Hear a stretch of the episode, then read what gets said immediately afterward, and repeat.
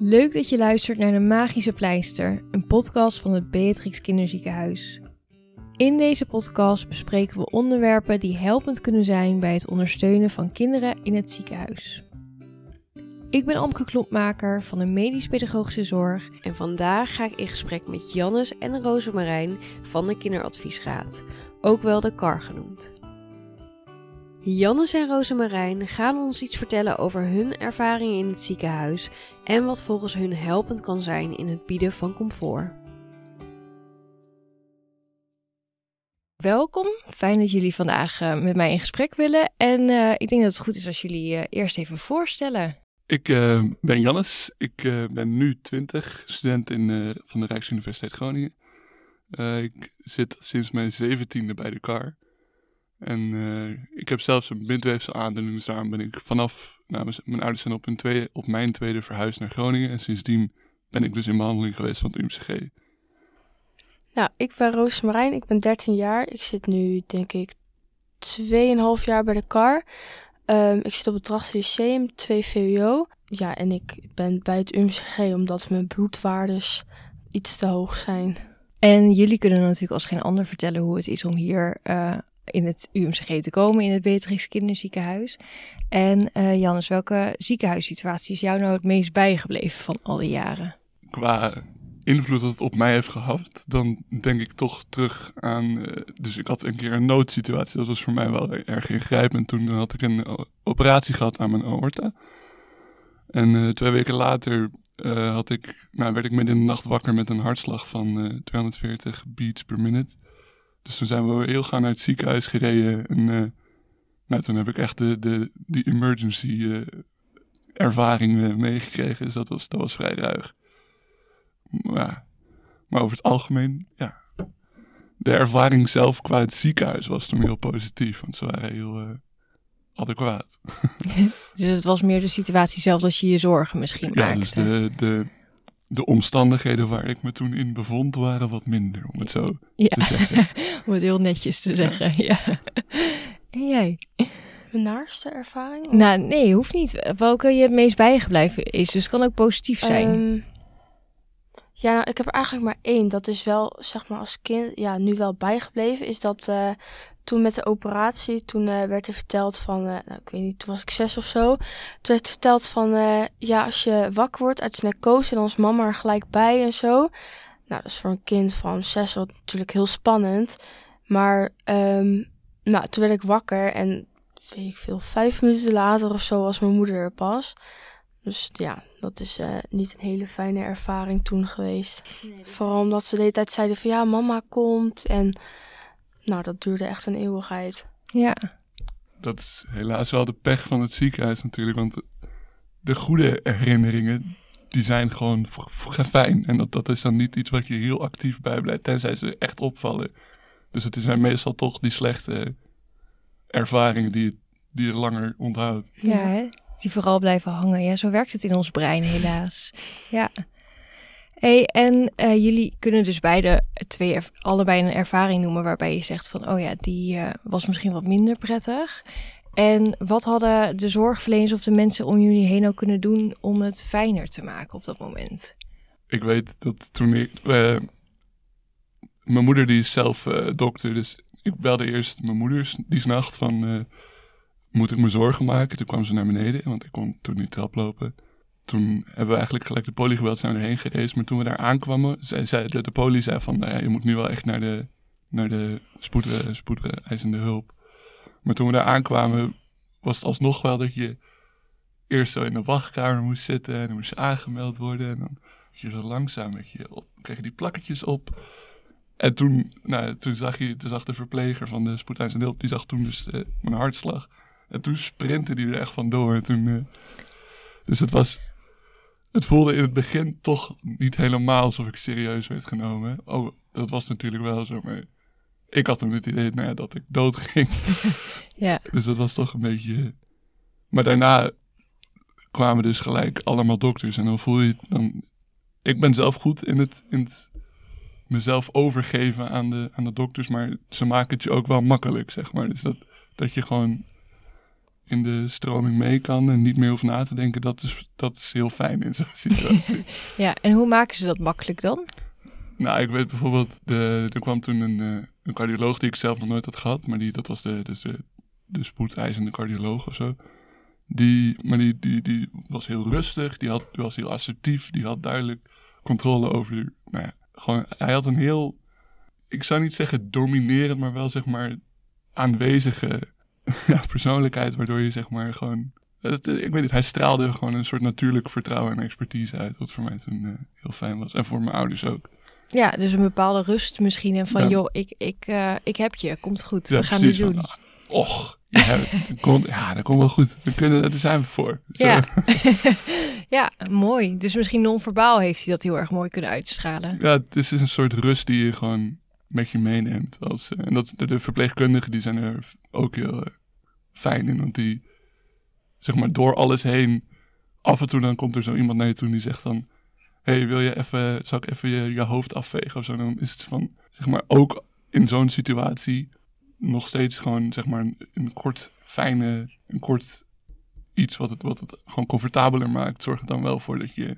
Ja, dat het Dat iemand je misschien even echt ziet. Is dat ja, nou ja, dat, je, dat het zeg maar niet alleen maar gaat over dat je het overleeft, maar dat, je- dat het ook gewoon een fijne, een Fijne ervaring is. Ja, fijne ervaring is. Ja, lijkt me belangrijk, ja.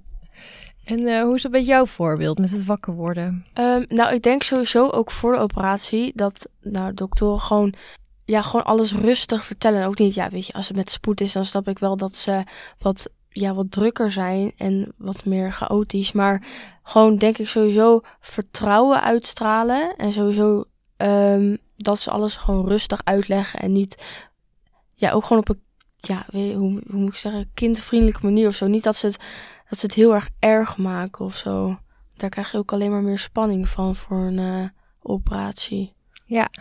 Dus misschien als je wat jonger bent, ook wat beperkte informatie. Niet, al- Ja. Je hoeft niet alles te weten, maar wel Ja, even wat belangrijk is voor jou. Misschien wat je gaat voelen, wat je gaat meemaken. ja, Ja, ik vind wel dat je daar dus wel mee op moet passen, want ik, eh, dat, daar zit wel dus weer het risico aan van dat je je niet serieus genomen voelt.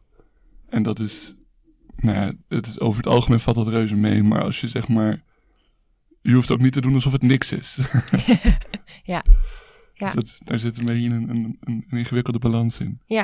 Denk je dat dat voor de misschien nog uitmaakt hoe oud je bent? Want als je wat ouder, ik weet niet hoe oud was je in de spoedsituatie. 15. Ja.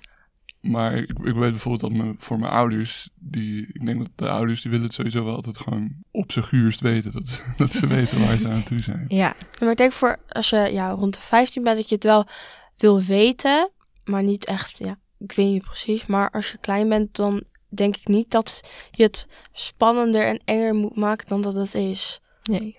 Want het niet, eh, het is van, oh je krijgt dit tijdens de operatie en dat.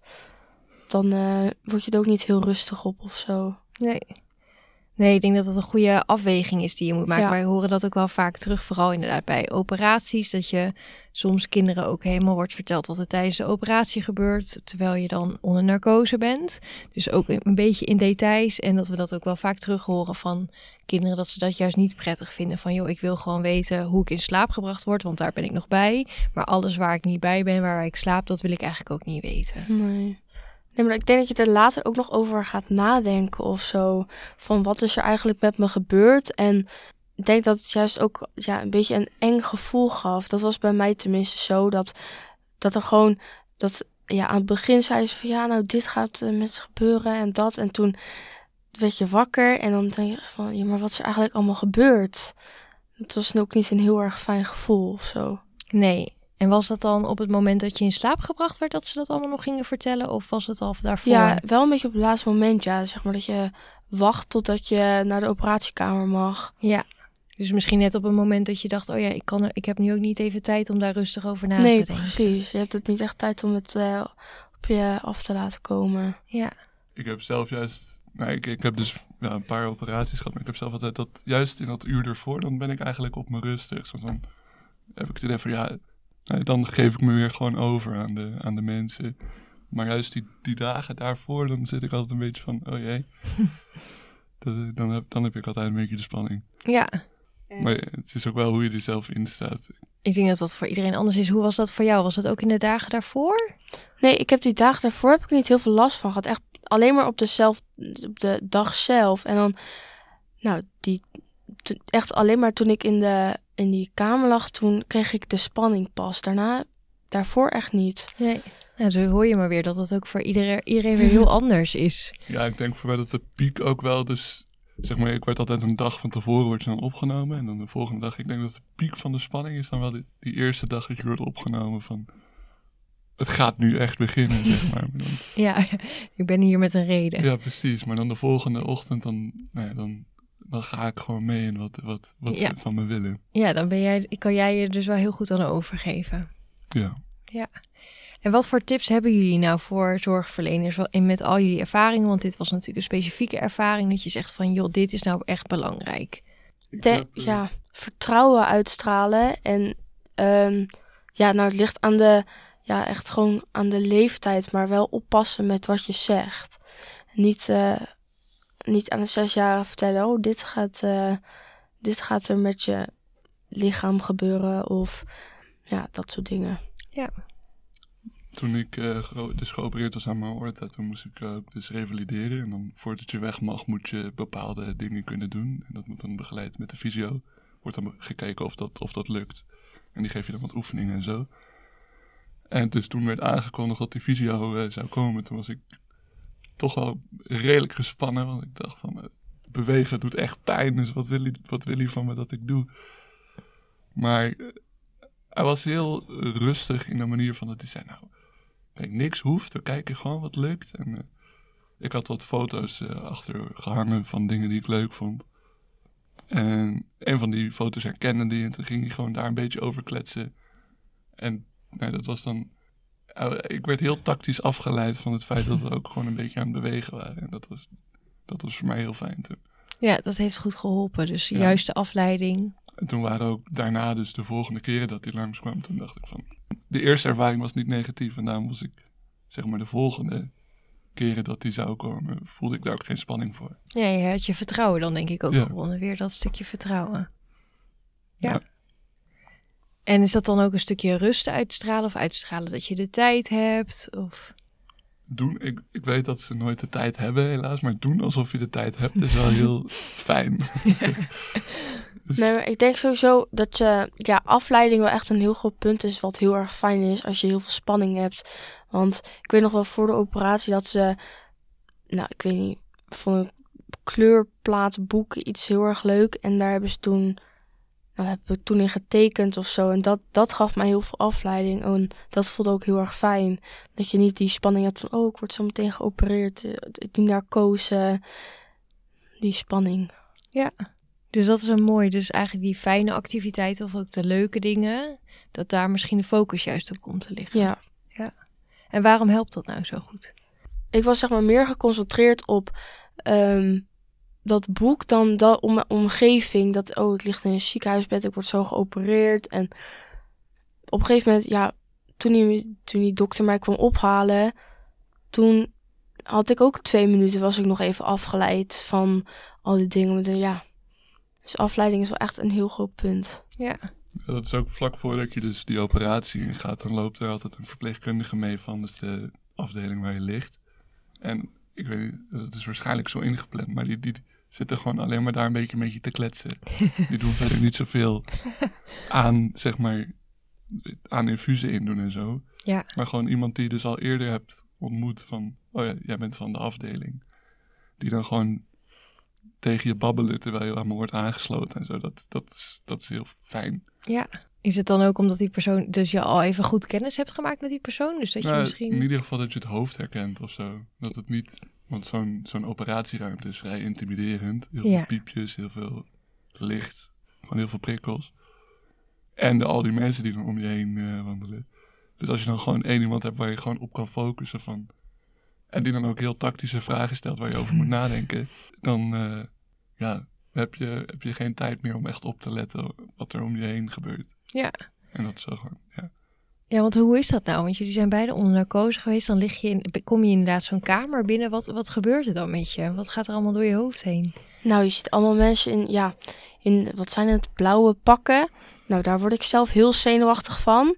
En dan, ja, wat ik, wat ik niet heel fijn vond, is dat je al die spullen zag die ze gingen gebruiken. Die lagen echt na die tafel naast mij. Toen, nou, toen was ik echt in paniek. Toen dacht ik ook echt, wat gebeurt er? Maar vooral toen ik uit de narcose kwam, toen uh, nou, was toevallig toen voor mijn keelmandelen. Toen, zaten ze, toen werd ik wakker en mijn narcose. Dat is al een hele rare ervaring. Maar het zaten ze met twee waterspuitjes zo in mijn mond. Gewoon om al, al die, weet niet precies, weg te halen. En nou, dat is ook heel apart. Want je weet eerst niet waar je bent. En daarna zitten ook nog twee vrouwen helemaal voor je. Die waren ook bijna helemaal in paniek. Dus uh, ja, heel raar. Ik vond op een bepaalde manier, dus als je de narcose ingaat, dus uh, nou, dan zit je in dat bed en dan word je dus afgevoerd. Dan ga je door zo'n lift. Dat, door die lift vond ik altijd, dat vind, dan, dan krijg ik wel altijd uh, het onderbuikgevoel. En ik vond dan ook wel altijd fijn, want dan heb je dus weer de chirurg. Die uh, heb je waarschijnlijk al ontmoet van tevoren. Ik weet niet of dat beleid is, maar dat was bij mij wel. En, maar dat is dus weer fijn dat je dus denkt van, hé, hey, die ken ik ook. die, die vertrouw ik wel met mij. ja, die heb ik al eens eerder gezien. Maar ik denk inderdaad dat het wakker worden is, is heel, ja, dat is ja. altijd heel desoriënterend. Ja, dus dat is dan misschien ook een goede tip wat je zegt. Dat, dat bij jou waren ze meteen al bezig, dat, ja. je, dat je even... Ja, nee, misschien was het ook wel nodig. Alleen puur alleen maar wat dezelfde stukje gewoon vertrouwen. Want het leek echt net alsof er echt iets heel ergs aan de hand was. En ik moest überhaupt eerst nadenken waar ik was. Ja, ja. Dus misschien ook weer wat zij hebben uitgestraald. Of hoe, ja. Want je zei, ze leken Ja. een beetje in paniek. Dat, dat valt je dus dan wel op. Ook al word je wakker, dat je ziet hoe iemand, wat iemand uitstraalt op dat Ja. moment. Ik, ik heb zelf eh, vooral dus ervaringen waar ik, waar ik echt gewoon, gewoon uren weg was. En dan, nou ja, als ik dan wakker werd, dan was ik niet zo heel functioneel over het algemeen. Maar het is dan gewoon, ja. Ik, heb, eh, ik was ook aan mijn scoliose geopereerd. En toen werd ik wakker op de volwassen IC, want er was geen ruimte meer op de kinder-IC. Ik was toen 17. En ik weet nog, ik weet, het is voor mij heel vaag, want ik was dus op heel veel, nou ja, de eerste narcose, maar ook morfine en zo, dat helpt allemaal niet bij het functioneren van het brein. Toen eh, weet ik nog dat mijn moeder boos was dat ik de hele tijd weer in slaap viel. Of nou, boos is misschien een groot woord. Mm. Maar het was de bedoeling dat ik echt wakker werd. ik was al wat te lang in narcose gebleven. En ik weet nog dat ik toen echt dacht van, laat me gewoon slapen. Dus dat ik toen weer wegging. En weer gewoon gelijk wakker werd voor mijn gevoel. Maar ik was toen blijkbaar weer vijf minuten weg geweest. Dus toen, ja, iedereen om me heen was toen vrij gestrest. Ja, Maar ik weet nog dat ik toen ze allemaal een beetje aanstellen. dus je dacht, laat me slapen. Ja. ja. Ja. het is wel goeie, hè? want je benoemt ook eh, je moeder. En eh, inderdaad, als je kind in het ziekenhuis bent, dan als, als het goed is, zijn je ouders ook veel bij. Wat voor tips heb je nou voor ouders? Ik weet dat dit ook weer dus wisselt van mens tot mens voor mij. Mijn vader bijvoorbeeld op de, op de dag van de operatie, die werkte wel gewoon die ochtend. Dus die, die had, de middag had hij helemaal vrijgenomen. Maar ik weet dat hij die, ochtend ging hij toch even naar werk. Gewoon om even afleiding te hebben. Want nou, ik was dus acht uur onder narcose. En acht uur op de bank zitten duimen, dat is toch ook Is lang, ja. ja, dat is erg lang. En dan ben je gewoon erg in, in stress. Dus nou, misschien is werk niet voor iedereen. Maar zorg dat je iets doet overdag. Het is wel een hele heftige ervaring. Ook, eh, ik, heb het, ik heb het hier wel eens met mijn ouders over gehad. Toen ik dus nou, voor de, naar de spoedeisende hulp moest. Toen eh, werd ik op een gegeven moment afgevoerd naar de IC. Of hoe zeg je dat? Verplaatst naar de IC. En er mocht maar één iemand mee. Dat was mijn moeder. Ja, En pap die ging, moest nog de tas eh, van mijn moeder pakken, dus die was even terug. En hij, hij mocht er wel ook achteraan, was gezegd. Maar toen stond hij dus voor een dichte deur, want dan kan je alleen maar in met een pasje. Dus ja, ik weet niet, dit is niet echt een tip. Dit is meer gewoon van, het is, het is ruig. ja het is ruig, ook voor ouders. ook voor ouders, ja. Ja. Maar ik denk ook gewoon echt duidelijkheid voor ouders. Net hetzelfde als kinderen, maar ook voor de ouders zelf. Ja, want ik denk dat het voor je moeder ook gek was dat, dat jij al wakker was toen je aankwam. Ja. ja, nou, je kind ligt daar in het ziekenhuisbed helemaal in tranen. En ja, daarna kom je echt, weet ik veel, vijf tot tien minuten later. En dan mama die dacht ook van ja, nou waarom hebben ze me niet eerder opgehaald of wat is er gebeurd of zo. Ja. Ja, er is ook voor de ouders is een heel sterk gevoel van machteloosheid. En je daaraan overgeven is eh, moeilijk. Ja. er zijn vast, vast manieren voor, maar er is ook wel een stukje acceptatie van die machteloosheid nodig. Want uiteindelijk gaat je kind, nee, je, je vertrouwt je kind toe aan de chirurg en iedereen eromheen. En dat is, nee, dat is, gewoon, dat is gewoon zwaar, maar dat, dat- daar, daar zelf is zeg maar weinig aan te doen. Ja.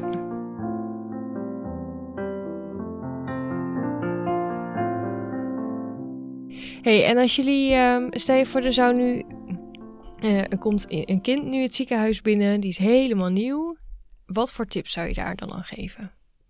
Wat voor tips zou je jezelf eigenlijk gegeven willen hebben in het verleden? Dat je denkt, oh, had ik dat maar eerder geweten. Mijn eh, eerste operatie was toen ik vijf was. Dat was mijn eerste bewuste operatie was toen ik vijf was. Ik had een uh, skewvoet, die moest eh, gecorrigeerd worden. En eh, als ik met dat jochie zou mogen praten, ik, eh, is op een gegeven moment is er een infuus eh, verkeerd gezet, waardoor hij gewoon niet, eh waardoor ik geen morfine kreeg. En toen eh, heb ik gewoon een hele nacht eigenlijk heel erg veel pijn gehad, maar ik durfde het niet te vragen. Want ik dacht dat ik me aanstelde. Hmm. Dus de, de, de tip die ik zou geven, en dat zullen alle zorgmedewerkers zullen dat altijd maar herhalen van, zeg maar, vraag om alles, ook al is het niks. Want ze zijn er uiteindelijk wel om je te helpen. Er, er is geen scha... Ik heb, later heb ik dat dus geleerd. Op een gegeven moment, toen ik dus 17 was, had ik een knuffel mee van huis. En die is toen op een gegeven moment van mijn bed gevallen in de IC. Maar ik kon toen niet bewegen. Dus ik kon hem niet oppakken. Maar toen heb ik dus gewoon wel op het knopje gedrukt van... Wil je hem even oppakken? Ja. Want dat is voor mij heel fijn.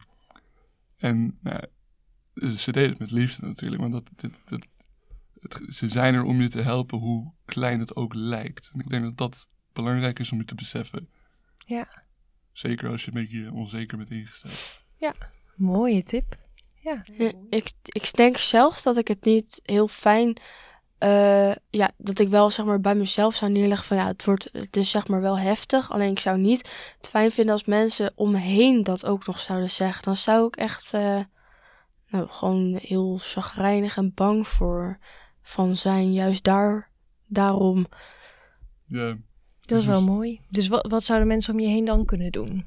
Ja, ja, gewoon, ja, gewoon rustig uitleggen en niet van, ehm, ja, wat ik net al zei, gewoon niet erger maken of in, in, dat het in mijn hoofd is. Want dan heb je, dan zit je met alleen maar meer dingen in je hoofd dan dat je eigenlijk moet, ja, bezig, mee bezig moet zijn. Ja. Dus daar misschien ook in vertrouwen in uitstralen van joh, we gaan dit nu doen, maar weet dat we hier zijn om voor je te zorgen en we gaan Ja. het samen doen. Dat dat eigenlijk al voldoende is. Ja, En ja, ik denk ook dat je wel gewoon bij jezelf mag accepteren van het gaat heftig zijn. Ja. Want het is niet niks uiteindelijk. Het is gewoon een, een gure 1, 2 weken die je tegemoet gaat. Zeg maar, om daar bang voor te zijn is wat anders, maar je hoeft ook niet te doen alsof het niks is. Nee. Dat is ook, dat, eh, ja, dat is ook wat belangrijk. Ja. En ook daarna, eh, revalidatie duurt altijd langer dan je wil. Maar geef jezelf de tijd, ook qua school. Het maakt niet uit als je een jaar blijft zitten. Het maakt niet uit wat er allemaal gebeurt. Het is gewoon heel heftig en daar moet je gewoon in mee kunnen gaan. Ja, neem, wel je, neem de tijd voor jezelf. Het mag er zijn. Het mag, dat, ja, dat is Ja. het. Het is vervelend, maar het mag er zijn. Bedankt voor het luisteren naar deze aflevering waarin Jannes en Rosemarijn ervaringen met ons gedeeld hebben. Lijkt het je nou leuk om lid te worden van de Kinderadviesraad of heb je vragen voor hun? Dan kun je altijd contact met ze opnemen via hun Instagram account, namelijk apenstaartje kar laagstreepje UMCG. Deze podcast is mede mogelijk gemaakt door Stichting Vrienden Beatrix Kinderziekenhuis. En voor reacties en tips kunnen jullie terecht bij het mailadres de magische pleister.